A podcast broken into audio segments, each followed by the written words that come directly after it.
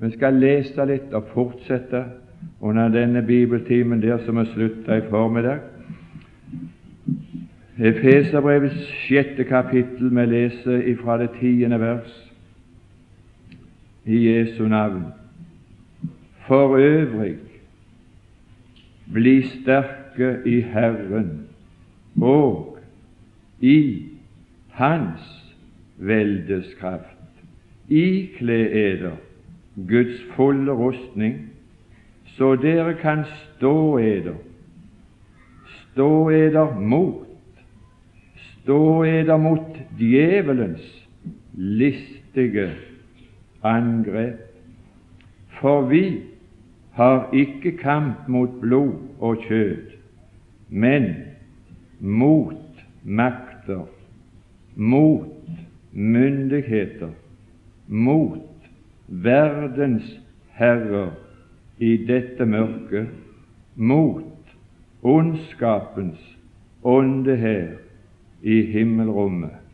Amen. Fader, i Kristus Jesus, takk for anledningen atter en gang å få være samla om ditt livssalige ord.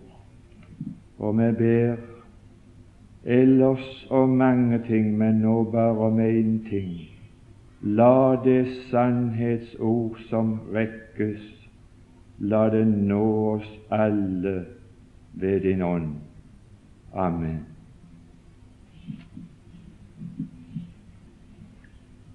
Det som jeg har ansvar for i denne timen å gjøre oss oppmerksom på, og jeg vil be deg om å legge deg i selen og legge vind på og bli så tindrende oppmerksom på det så det går an å bli, at her er det to velder. Vi har Hans velde, Herrens velde, og det er der vi er. Og vi har Herrens veldes kraft til vår disposisjon.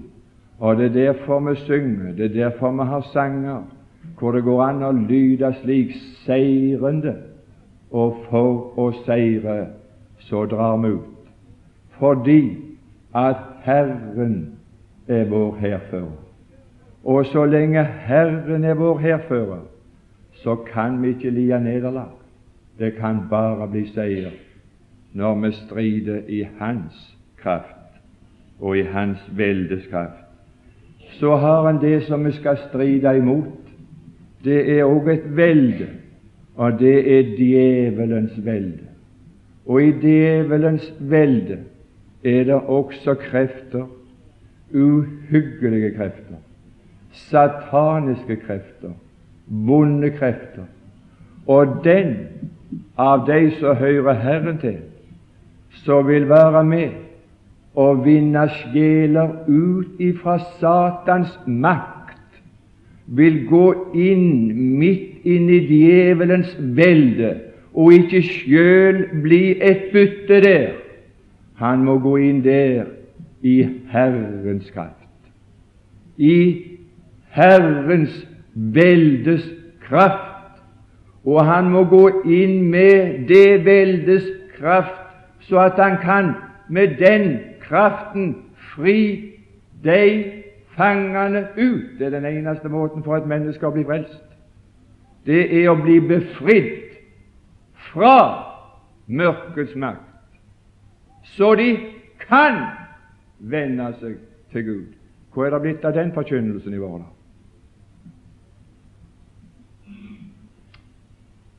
Du kan, nok, du kan nok omvende deg til Gud og begynne å ta noen skritt. Noen får lange lenker og kan gå nokså langt, men før eller senere så synger det opp, de finner ut mørkets fyrste holdt meg ganske fast. Jeg satt fast. Og opplever ikke du i ditt liv at det kommer en guddommelig formidler av en guddommelig kraft som kan løse deg ifra mørkets makt, så du kan vende deg til Gud og få syndenes forlatelse, ja, så blir du værende der. Så vil du forbli i mørkets makt. Å, men jeg er takknemlig for de Herrens gode stridsmenner som kom inn i leiren der jeg satt fast. De gjorde en større prestasjon enn de jødene som nå ble en glorie, så klarte å befri gislene i flyet i Uganda på en sådan glimrende måte at de har fått glorie på sitt navn for alltid. Men jeg skal fortelle deg om det er noen som har glorie for meg. Det var noen Herrens vitner, noen enkle Guds menn som gjorde et større under enn det. De kom midt inn i djevelens velde, midt inn i djevelens makter og myndigheter, så holdt sine fanger fangen og hadde aldri tenkt å slippe en løs. Og så befridde de denne karen her. Det, det vil jeg kalle heltevirksomhet, å befri sjeler ifra mørkets makt så at de blir fri, ikke for et stykke av veien, og så synger det opp igjen, men fri for evig. Da Jesus satte sjelen fri, brøt lyset frem på livets sti. Ja, djevelens listige angrep sto der, og av den grunn så var det behov for å være ikledd Guds fulle rustning Ikle eder Guds fulle rustning, så dere kan stå eder mot djevelens listige angrep. Jeg vil prøve på, så langt som Herren i denne stund kan la det lykkes for meg til ære for Hans navn, og til vanære for djevelen, og til tap for djevelen, i dette møtet og i den tid som ligger foran oss når jeg og du skal bevege oss på hvert vårt område i livet der med. Gud gi at det måtte bli mye nederlag for djevelen i våre omgivelser, der du skulle fare fram, og at det skulle bli mye til ære og seier for Herren, at vi ville stride i Herrens kraft og i Hans veldes navn. Da må du ha denne rustningen på. Djevelens listige angrep, den foregår ut ifra tre forskjellige stillinger som djevelen en gang fikk av Gud, som han ikke har tatt ifra ham. Hørte du det? Djevelens listige angrep blir utført ut ifra tre embeter, stillinger, som djevelen en gang fikk av Gud, og som Gud ennå ikke har tatt ifra ham. Og jeg skal nevne disse tre. Du skal få skriftstedene for dem. Vi er samla her for å få lære og få nøyaktige, korrekte opplysning om realiteter, slik at vi kan innrette vårt liv etter realiteter og ikke drømmer og tomme ord og lia nederlag, men at vi handler etter realiteter og går ut i en krig og vinner seier. Og når vi har vunnet en seier, så er det en seier. Så er det en seier for Herren, og så er det en seier for den som ble frelst. Han ble befridd fra mørkets makt og satt over. Vi må kunne stå oss imot djevelens listige angrep når det gjelder å vinne sjeler. Og vi må kunne stå oss imot djevelens listige angrep når han tar sikte på å forstyrre de troendes ro som de har fått på grunn av de hviler på et fullbrakt verk på Golgata. Den roen vil djevelens listige angrep forstyrre hos alle Guds barn. Det er alt han kan, men det kan han. Men det er noen som Gud kaller til. La oss, la oss stå oss imot djevelens listige angrep, så han får, at han ikke får forstyrre leiren, forstyrre våre kvinner og våre barn. Vi skal beskytte våre. Gud gi at våre forsamlinger var en beskyttelse for svake og for, for spede spirer som hadde tatt sin tilflukt til Herren, at vi kunne ha et trygt sted og, og la de få lov å oppholde seg mens den fryktelige krigen foregår. Vi skal nå lese at djevelens listige angrep for det første blir utført ifra den stilling og det embete han har fått av Gud, at han kalles denne verdens fyrste. Denne verdens fyrste er djevelen, det er ikke Gud.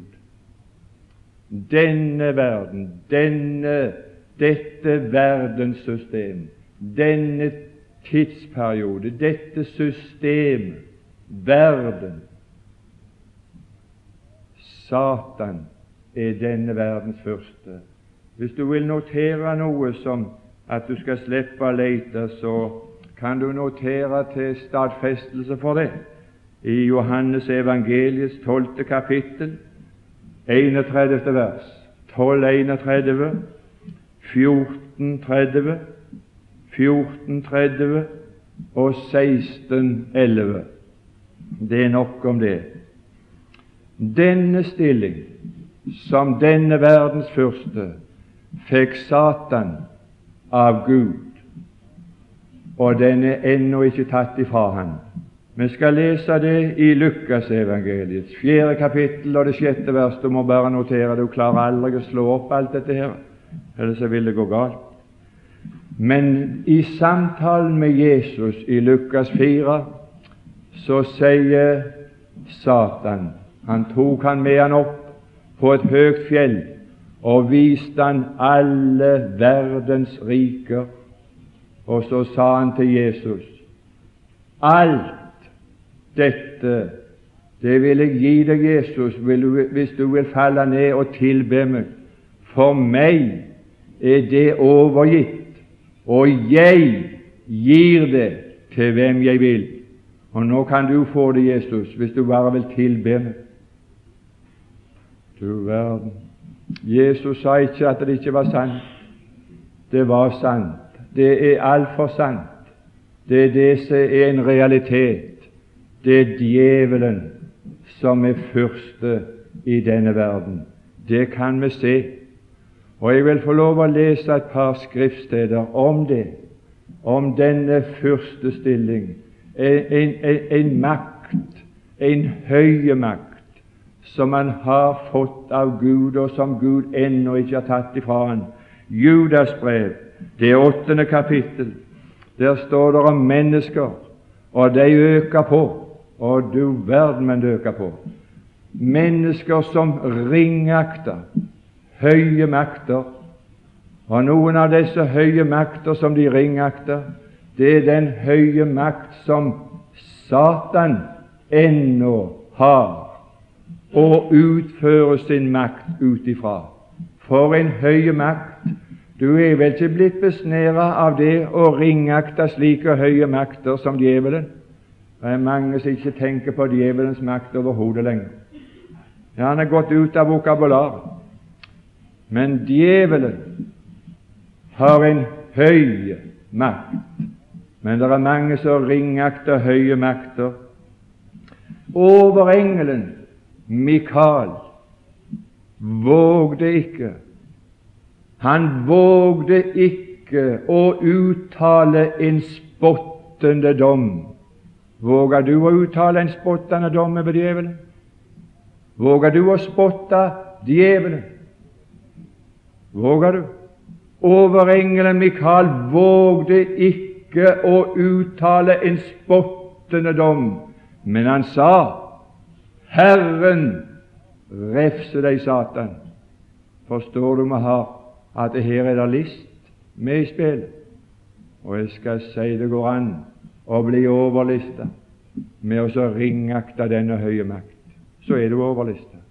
Djevelens list består i å få folk til å ringakte realiteten av at det er djevelen som er første og sitter på herredømmet. Og da, da har han oppnådd mye av sin hensikt. Denne makt som djevelen fikk av Gud, det er den djevelen misbruker i den uhyggelige grad som vi er vitne til.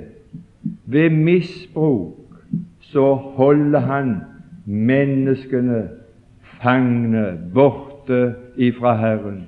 Ved misbruk av denne makt så forstyrrer han roen og freden og tankelivet og samvittighetslivet hos de stakkars menneskene i denne verden som tok sin tilflukt til Golgata, som der skulle ha privilegiet å få lov å leve langt ifra angst og ifra forferdelse. Å, jeg har sagt til Herren, kan du, kan du utruste meg til en sådan tjeneste at jeg kan få lov å reise rundt i landet og hjemme, i huser, i, i, i, i møter, uansett offentlig og i privat, og være med og bringe et budskap til troende mennesker. Her er et grunnlag til å drive frykten ut. Avvæpna står djevelen imot, drive angsten ut. Å, det er det beste jeg vet, å se angst i øynene på noe, men det liker djevelen. Å, men han liker å inngi mennesker angst og frykt, sjøl troende mennesker.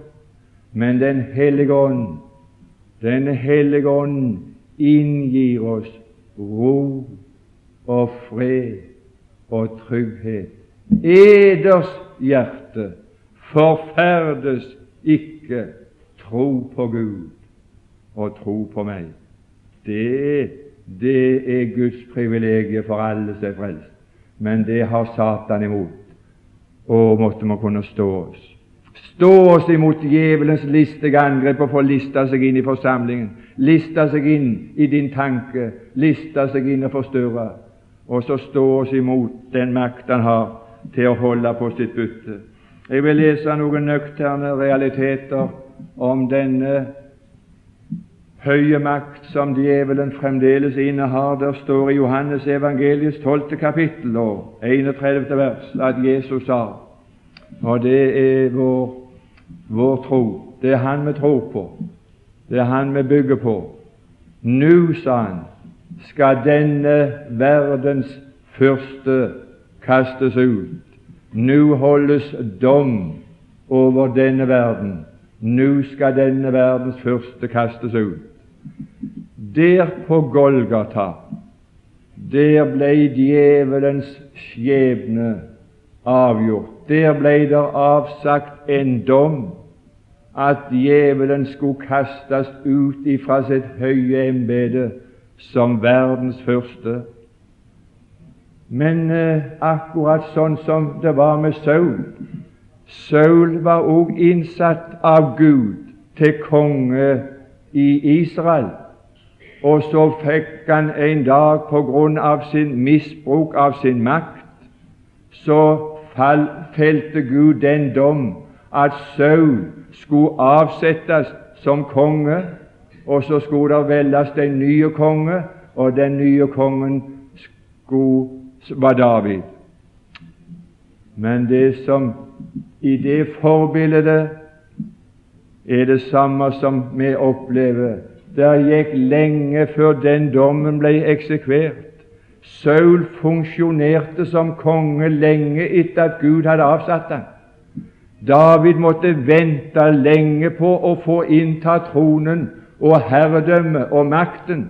David måtte reise i landflyktighet etter at Gud hadde salvet han som konge, og han måtte, han måtte reise i landflyktighet og vente på det øyeblikk når, når Saul skulle kastes ut og David skulle innta tronen og makten.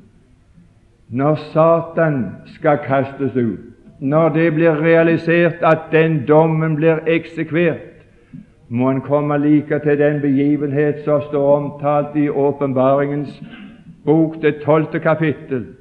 Der står det ifra nu av så er djevelen kastet ut.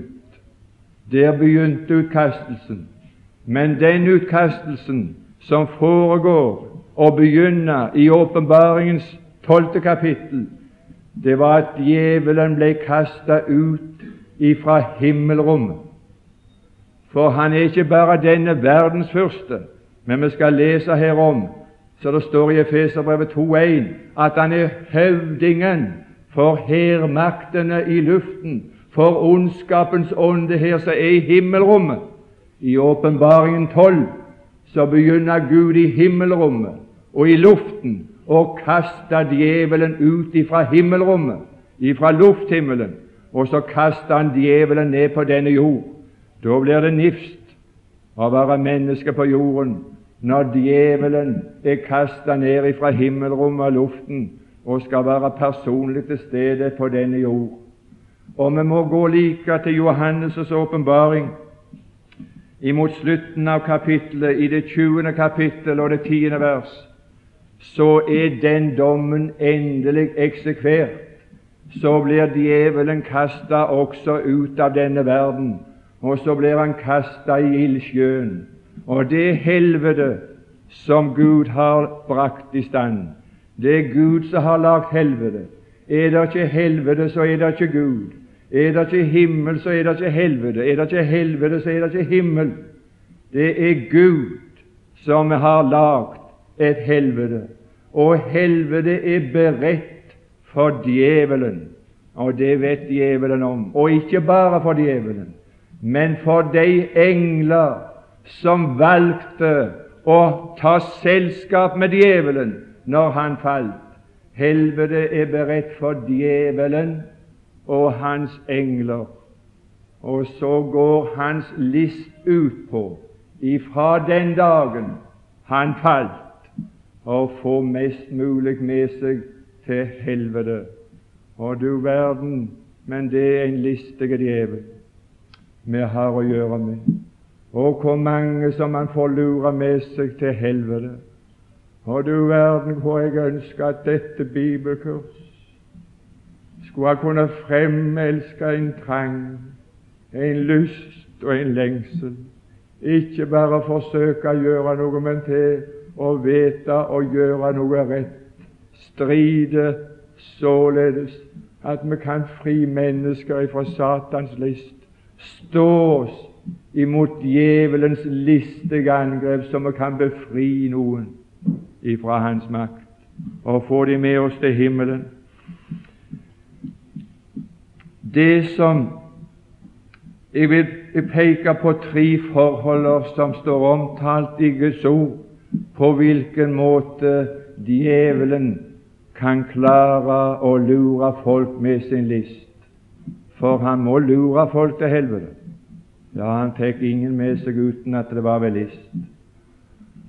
Og den første av disse, de står omtalt alle tre i første Johannes brev, det fjerde kapittel og det sekstende vers. Der står det hvordan djevelen utøver sin makt på denne jorda. Og det er en makt med list. Og den første av disse listige metoder som djevelen får mennesker til helvete med, og det samme som han får mennesker til helvete med, er den samme listige metode han bruker for å forstyrre roen for de som har tatt sin tilflukt til Golgata. Du kan være sikker. Du kan være ganske sikker der du sitter. Du kan bare forsøke å, å, å forsynde deg imot disse prinsipper så skal du få erfare sannheten av Guds ord. Og nå skal du få høre hva den første metoden var. Denne verdens første, han har en makt som er fryktinngytende, effektiv. Det er kjødets lyst. Og ved kjødets lyst så får han mennesker ved list og havner i helvete. Og ved kjødets lyst så får han mange av de som hører Herren til, å tape roen og freden, sjøl etter de tok tilflukt til Golgata. De blir urolige. Et menneske som djevelen får, vekker et umettelig begjær så du blir ustyrlige i et begjær, kjødets lyst. Det er djevelen en spesialist til. Så taper du roen. Du taper ikke frelsen. Det er mange her vi hadde behov av hatt en gjentagelse, tatt det om igjen. Det er mange her som ikke forstår overhodet det som vi begynte dette med, og som var teksten for hele bibelkurset. Og jeg skal iallfall sannelig ikke bli noe, noe over overbegeistra, overlykkelig av at det har lykkes godt å holde bibeltimer når resultatet er så borti ville veggene at ingen har forstått det vesentligste av det du hadde lyst til å si. Og det var utgangspunktet. Våkn opp, du som sover, og stå opp ifra de døde. Hvis en ikke kan se forskjellen på døde og så sovende, men også si at en som sover, han er død. Hvis et troende menneske sovner, ja, så er han frafallen, så er han død. Hvis du ikke har noen annen løsning på åndelig søvn, at da er de frafalne, da har iallfall djevelen forstørret din ro. Da har han iallfall vært ute med sin list. Å nei, den som er kommet på Herrens side, han hører Herren til, om han aldri en dag kjenner fred og ro i sitt hjerte. Jeg har noen i min umiddelbare nærhet det går ikke an verken å si det ene eller andre, for det er så sårbart, det er så fryktelig sårbart med disse kassettene at vi, vi er snart bundet både på hender og føtter.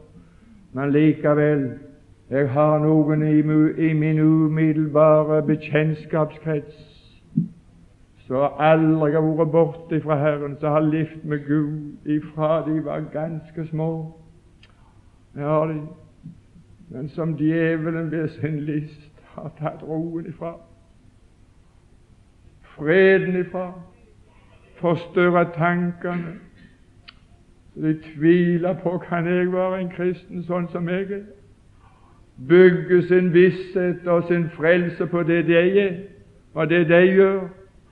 Og du verden skal si at djevelen kan være listig og lure og ødelegge og få mange til å sovne inn, men de hører Herren til for det. Han kan ikke ta livet. Han kan ikke ta livet. Han kan ikke ta livet. Jeg vil bygge min menighet, sa Jesus til Peter, på denne klippe, ikke på Peter, og langt ifra.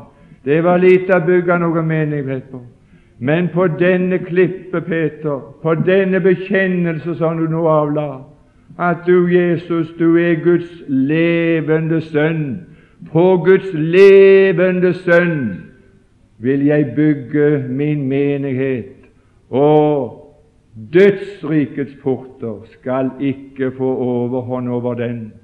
Nei, det er forskjell på å være en død som aldri er blitt gjort levende, og en som har, har fått liv, og har vært spedlevende, vært våken, og så har han sovna igjen. Du hører Herren til for det om du sover.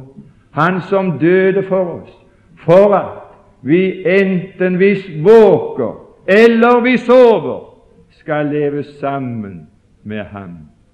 Det er ikke betinget av at jeg holder meg våken at jeg skal komme til himmelen. Det er betinget av at jeg har tatt imot Jesus, og jeg hviler på et fullbrakt verk. Det er det betinget av. Men det er ikke alle som er våkne og seg det bevisst. Vi skal møtes i himmelen for det. Å, jeg hadde lyst til å være med og stå oss imot djevelens listige angrep. At han ikke får lov å forstørre din sjelefred. For Herrens ønske, det var at du skulle være langt ifra angst og forferdelse. Hvilken mor vil se på med kaldhet og likegyldighet at angsten får ta makten i det barnet hun har gitt liv. Å nei, å nei, det Guds ideal, det var at det liv som mor hadde gitt, han lot meg hvile trygt ved mors bryst. I trygghet jeg hviler, Guds lam for din fot. Måtte vi holde djevelens list borte.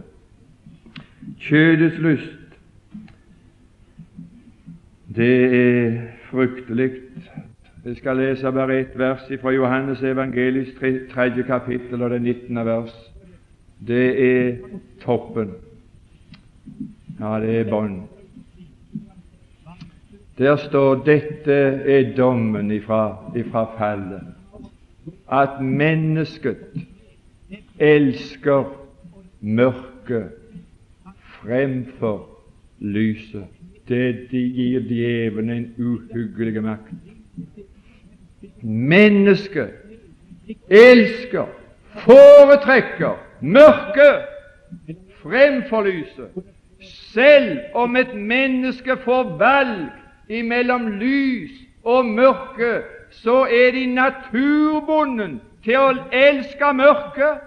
Er det ikke det vi ser? Og så spiller djevelen opp med kjødets lyst, og så har han det i sin hule hånd, for det er det menneskene elsker.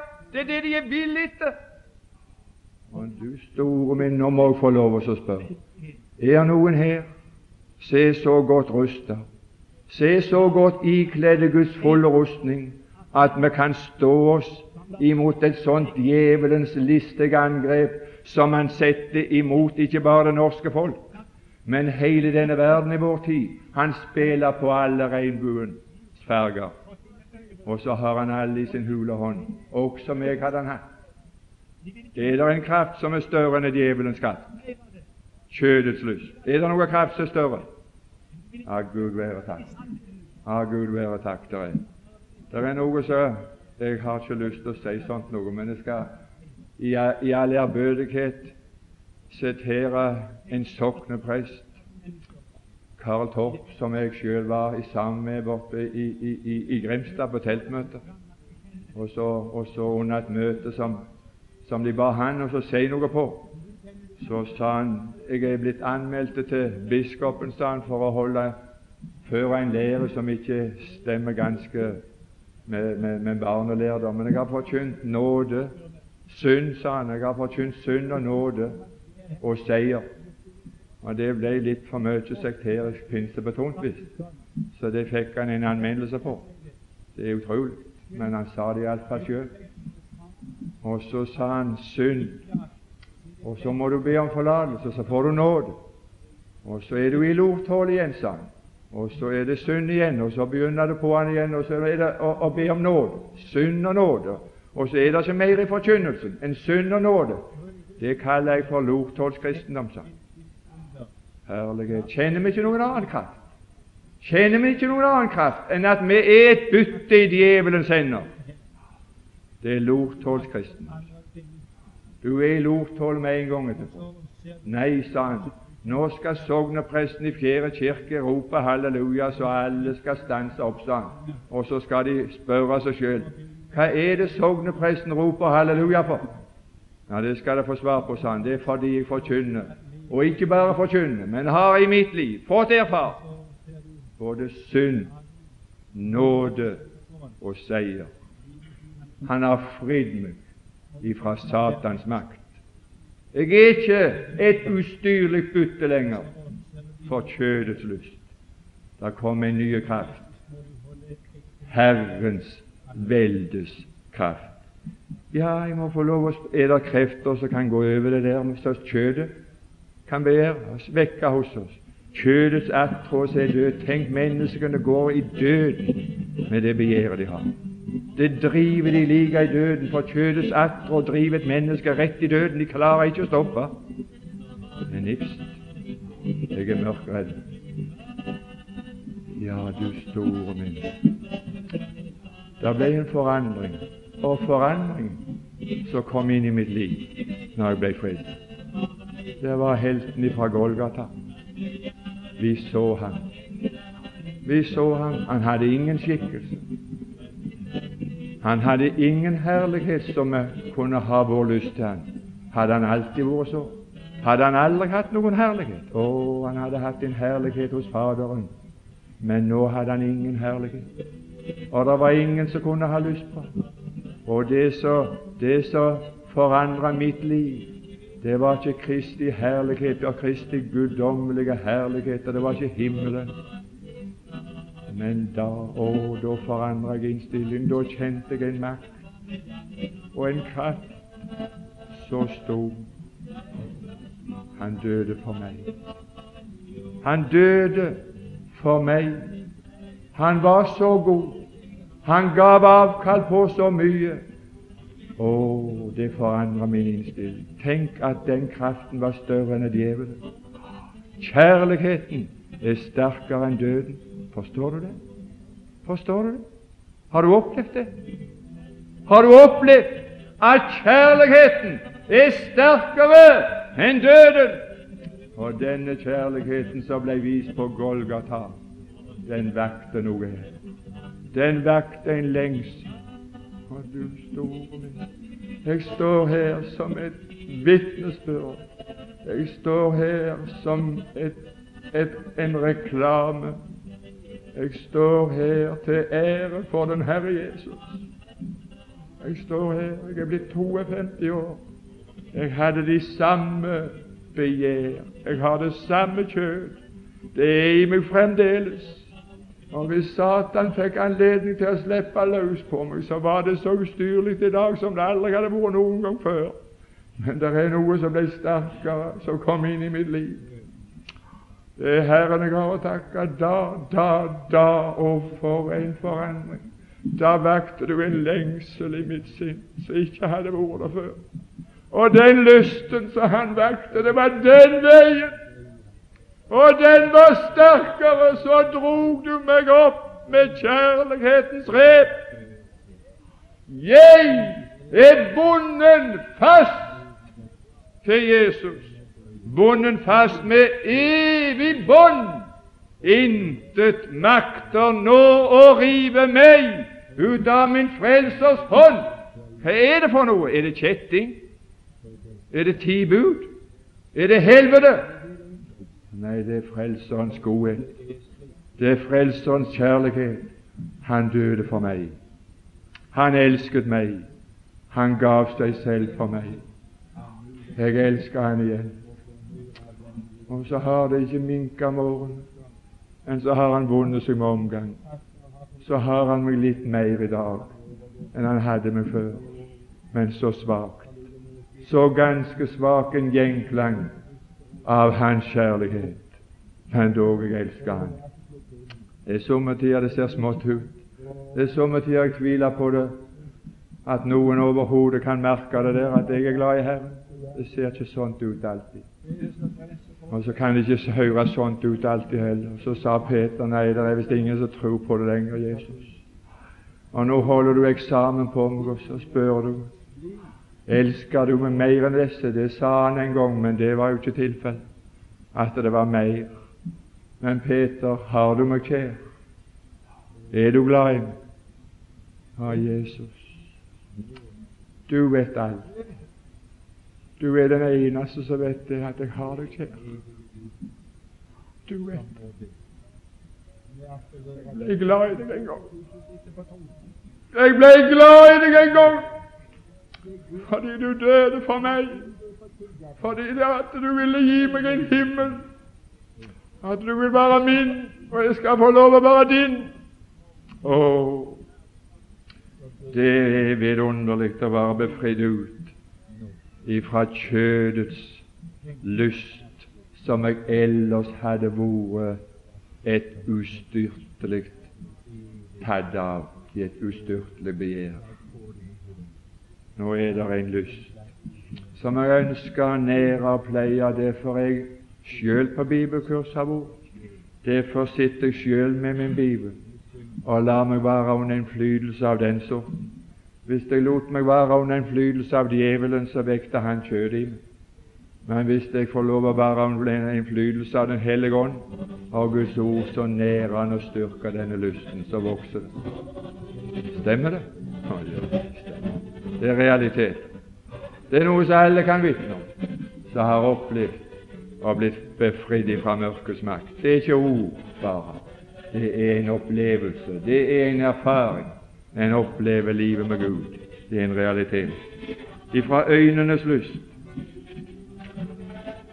Der er noe forferdelig som djevelen har av en kraft. øynenes lyst, og den har han aldri hatt anledning til å spille sånn på som nå. For før var han jo begrensa til å drive øyens lyst med svart og hvitt. Og så kunne han blande svart og hvitt og få det grått og noen sjatteringer. Og så begynte det litt med litt fargelegging og farger. Så. Men du herlige land, kan du Jeg husker det når jeg var liten gutt, så hadde jeg en bestefar som hadde noe ukeblad så jeg fikk se når jeg kom på besøk til han. Men det var ukeblader i svart og hvitt. Ja, Det var ikke en farge. Det var svart og hvitt. Bilder i svart og hvitt. Det var voldsomt interessant for meg å se på dem. Men tenk på de bildebladene som er nå. Det er ikke mye svart og hvitt som ville gått nå. Det var ikke mange som hadde, hadde kjøpt for så mange millioner i måneden hvis det var bare svart og hvitt. Men nå er det øyens lyst i alle regnbuens farger. Og øyet, står det, det blir aldri mett av å se. Så de kan ikke vente til neste onsdag, så må de ha nytt ukeblad. Ja, for det, det, det, det, blir aldri mett av å se. Jeg syns de er like alle. Jeg synes det, er jo det samme opp igjen og opp igjen. Men hva hjelper det? De har aldri noe nytt, men de begjærer noe nytt. Nytt ualar. De blir aldri tilfreds. Djevelens kraft står i menneskets utilfredshet. Vet du hva, jeg skal unnlate å nevne navn. Men en politiker i Norge sa det er noe sykt når et menneske ikke når, når et menneske blir tilfreds. Da er han syk. Ingen må være tilfreds med, med tingenes tilstand. Da er de syke. Men vår oppgave politisk det er å vekke nye begjær, nye behov. Vekke nye begjær, så at de stadig er utilfreds og krever mer. Det er satanisk, for denne verdens første er djevelen. Og, og det, det, det, kommer til synes i alt det der. Nei, har du et våpen som kan slå Satan ut? Ah, du skal få høre på noe vidunderlig. Å, men dette er saker. Ja, det er vidunderlige saker. Her er noe som kan befri fra Satans makt. Om noen tørster Tørst, det er en fryktelig utilfreds tilstand. Tørst, sulten. Om noen tørster, han kommer til meg og drikker. Og hvis han drikker av det vann jeg vil gi ham, så skal han aldri i evighet tørste mer. Han skal bli tilfreds. Hemmeligheten med at livet med Gud er et lykkelig liv. Det er at du blir tilfreds. Djevelen list består i å lure inn noe i forsamlingen, i ørene dine, i øyene dine, og gjøre deg utilfreds. Kan vi stå oss imot djevelens list så at vi ikke består av en forsamling av utilfredse mennesker? Å, Den hellige ånd når Den hellige ånd forkynner Kristus for våre hjerter, så blir vi så tilfreds. Å, hvilken lykke! Og deg tilhører. Takk at også jeg fikk være med. Det er, det er våpen som kan gå rundt med, som kan gjøre mennesker tilfreds. I 1. Timotius brev 6,6 der står det Gudsfrykt med nøysomhet. Det er en stor vinning. Og det er jo voldsomt. Jeg hørte en 17. mai-tale av en kjøpmann i Haugesund. På Åkra så holdt altså 17. mai-tale over den teksten. Og Den syntes han var så glimrende illustrerende for den måten han hadde erfart folket på Karmøyene som kunder i sin skipshandel i Haugesund. For det, Han hadde erfart at det var gudfryktige folk som bodde på vestsida. Og så hadde de vært nøysomme og sparsomme, så han hadde tapt lite penger på dem. Så hans forståelse av gudsfrykt det var at det var forsiktige, pinlige, pin, pinaktige folk som pinte og sparte og, og, og, og, var voldsomt forsiktige. Det var i den tida sammen, det er visst forandra nå. Han må visst ha gjort dårligere erfaring. Men jeg skal fortelle deg at det er langt derifra at det er det det betyr, det som står i den teksten. Og langt ifra. Guds frykt med nøysomhet, det er et ord som betyr tilfredshet nøy, fornøydhet, kunne du si heller. Altså Dette kan du kontrollere i andre bibeloversettelser. Du kan kontrollere det med deg. Altså Ordet skal bety for å være fornøyd. Guds frykt med tilfredshet Det er en stor vinning. Ja, det er en stor vinning. Å, når Herren med sitt ord og med sin mat og med sin drikke, så gjør han meg tilfreds. Den som hører mine ord, han skal aldri i evighet hungre mer, og aldri i evighet tørste mer.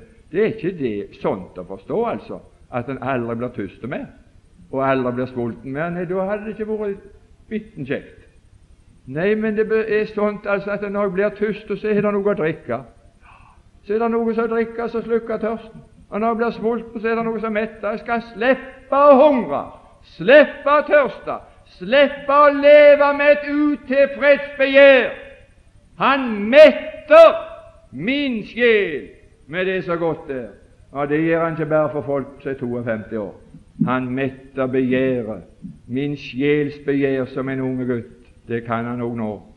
Han kan tilfredsstille i alle aldre. Han er min glede, han er min sang, han vil jeg prise. Så var det det tredje han brukte, det var storaktighet i levnet. Det ble fæle greier. Det er det som er djevelens grufulle makt i, i, verden. Vet du hva vår verden er for noe? består i? Det består i et klatresamfunn. Det består i å klatre, det, å bli store. Og når de blir store, så vil de bli større. Og ingen er fornøyd uten de blir størst. Tror du jeg kjenner til dette her? Så har Putla drevet forretning så jeg begynte å skulle sørge for meg sjøl. Du vet altså at jeg har gått av og til på noen kurs. Ja, kurs, jeg vet ikke hva det er for noen ting. Du blir iallfall innkalt til disse grossistene og disse her pergekjedene som er med og hører alle disse veldige foredrag. At hvis det er en, en forretningsmann som har tenkt å drive suksess, så må han bli stadig større, eller så er det tilbakegang. Han må aldri være tilfreds. Du må aldri være tilfreds selv om det gikk godt i fjor. Så må du, må du være så utilfreds at du budsjetterer med minst 30 bedre neste år. Og så må du stadig ta sikte på å utvide, bli stadig bli større. Du må aldri bli tilfreds. Ja, men herlighet, jeg er mer enn fornøyd med det jeg har, sier Det er stort nok. Det du ga, Er jo sjuk? Sjuk? Nei, jeg er ikke sjuk. Jeg er ganske frisk. Det er mer enn nok. Hva skal han med? Hva skal han med mer? Nei, herlighet, det har han annen tid å bruke livet til enn å bli større. Nei da, hvorfor bli stor når man er lykkelig som liten, synger de. Da du står Nei, nå skal jeg få høre noe. Her er det en kraft som er større enn det klatresamfunnet. I Kristus Jesus er det ingen forskjell. Der er det ingen som kommer inn og skal klatre for å bli store i Guds rike. Ingen forskjell der. Nei, Hvis du hadde tenkt å bli stor, så er det vei nedover der. Den som vil bli stor, han blir alle tjener. Det er den eneste muligheten å bli større enn du allerede er når du blir frelst. Du kan bli mindre. Hvis du vil bli mindre, så kan du bli større. Det er den eneste måten. Nei, Da må det bli å forminske, forsvinne deg og gjøre deg om til et intet. Og jeg synger en sangstrofe som er kjærere for meg i dag enn noen gang før. Og det er ikke et munnhell. Gud er vitne til at det er ikke et munnhell, men jeg synger av hjertet. Jeg er et intet, et intet, men Kristus mitt alt. Inntil i dag. Jeg er ikke på vei å klatre oppover for å få større gunst hos Gud for hver dag. Og når jeg får det til i dag Nei, nå, nei, nei, nå er jeg blitt stor. Nå, nå ble jeg stor. Nei, jeg er ikke på vei opp. Jeg er et intet. Det kan ikke bli mindre eller Et intet er ingenting, det. Men det var for å gjøre det som intet er, det var for å gjøre det til noe. Og så gjorde han meg til noe i Kristus Jesus, så jeg slipper å klatre. Der er vi alle like. Det er kraft som forslår. Så kom vi ut av klatresamfunnet, og så kom vi inn i i dette vidunderlige samfunnet hvor alle står på samme nivå, lemmer på Kristi legeme, plassert litt forskjellig, men alle er Kristi brud, forbundet med Han på den måten. Ja, bitte lite grann. Vi må ha bare med at djevelens list den kommer til syne og blir utøvd med en annen tittel som han har i 2. Korintiabrev, det fjerde kapittel og det fjerde vers. 2. Korintiabrev 4,4, og jeg skal bare nevne det. Jeg makter ikke å få sagt noe stort om det, men jeg skal bruke den siste timen i morgen formiddag om den list som jeg er aller mest redd for og kjemper aller mest imot nå, og gir meg offentlig til kjenne som en soldat, en kristig soldat, så stiller meg åpen, kjent for å stride imot ondskapens ånde her i himmelrommet, som har tatt overhånd og forstørret de troendes ro som aldri før.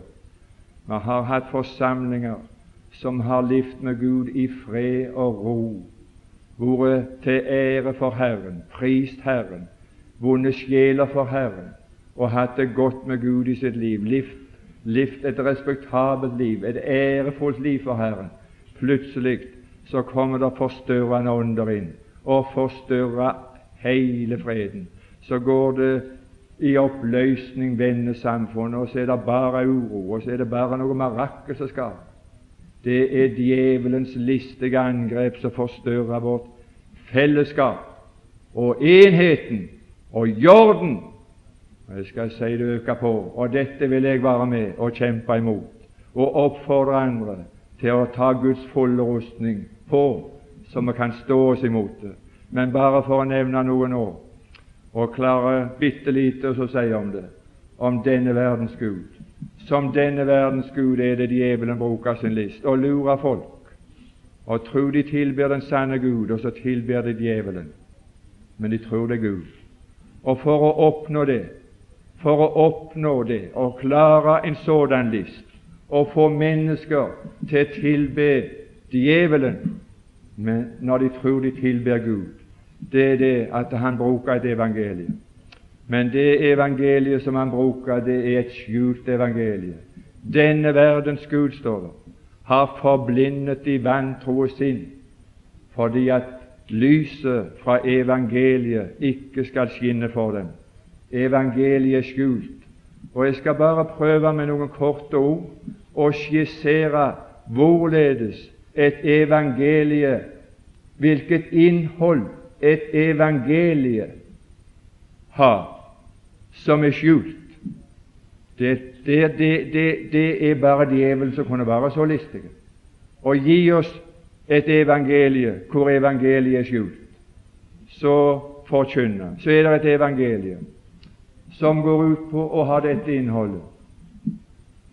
En kraftig appell til mennesker at de må omvende seg. Du må omvende deg. Du må omvende deg ifra å leve stygt, omvende deg ifra synd, omvende deg ifra narkomani, omvende deg ifra å være en dranker, omvende deg ifra å stjele, omvende deg ifra hor, omvende deg ifra synd. Og så må du omvende deg til å leve rett. Så må du omvende deg til å leve for andre. Du må leve for de neste. Du må, du, du må, du må bruke livet ditt til en oppofrende tjeneste for andre. Og for å nå det målet så plusses det på i det evangeliet at Herren kommer snart. Og da skulle det lages en større appell til at dette skal, dette skal høres ekte ut. Dette er av Gud.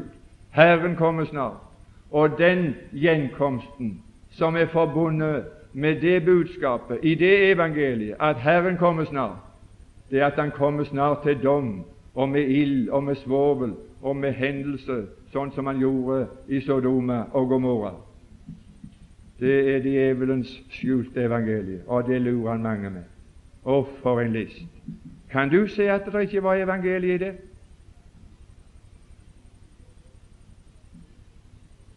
Det er et evangelie hvor evangeliet er skjult. Kan du se hva som mangler i det der som jeg sa nå? Evangeliet mangler der. Vet du hva evangeliet er? Jeg overgav eder iblant de første ting, sa Paulus i 1. Korintiabrev 15. Og det er ved det evangeliet som vi blir frelst ved, så sant vi holder fast ved det evangeliet, at Jesus Kristus døde for våre synder og at han sto opp igjen, at han for til himmelen, og at han skal komme igjen. Det evangeliet er evangeliet til frelse, og bare det. Det er det du må omvende deg til. Ikke omvende deg ifra å leve stygt og leve rett. Det er moralsk opprustning, og bare det. Og djevelen forbinder de aller fleste mennesker med noe negativt, noe stygt. Men djevelen i karakter av denne verdens Gud, han etterligner Gud. Og så tror de det er Gud. Han, han, han gir de det som er så likt Gud, men det mangler det mangler den frelsende sannhet. Kristus døde for våre synder etter Skriften. Og der det er skjult, da er det et evangelie så djevelen har fått lurt folk til helvete. Det er nifst. Det nifst. Her trengs mobilisering, men her trengs bare mobilisering av mennesker som kan ikle seg den fulle rustning og bli sterke i Herren og i Hans veldes kraft. Og det er, det er ikke vanskelig å så avsløre djevelen slik som folk forestiller seg han som med hestehov og fæle greier. Men når han omskaper seg til en lysets engel, og når han omskaper seg og gir seg ut for å være Gud Det aller siste Nå skal du høre. Når Gud, når Satan omskaper seg til en lysets engel og presenterer seg som Gud for oss, så tilbyr han noe for å få tilbedelse. Og det han tilbyr, det er en tilfredsstillelse her. For han har ikke noen annen plass å tilfredsstille noen. Hvis han skal få tilfredsstille noen, så må han tilfredsstille de her. For han har ingen tilfredsstillelse i evigheten å tilby noen. Men djevelen tilbyr tilfredsstillelse her, mens Gud i sitt evangelie tilbyr tilfredsstillelse i himmelen, og ikke her. Og ikke her. Her har vi trengsel og møye og strid, en kortvarig, en kort tids prøvelser, motstand, motgang, vanskeligheter, natt vi har ikke det synlige for øyet, men det usynlige. Ah, det Han har velsignet oss med, det er himmelen. Det er åndelige velsignelser i himmelen.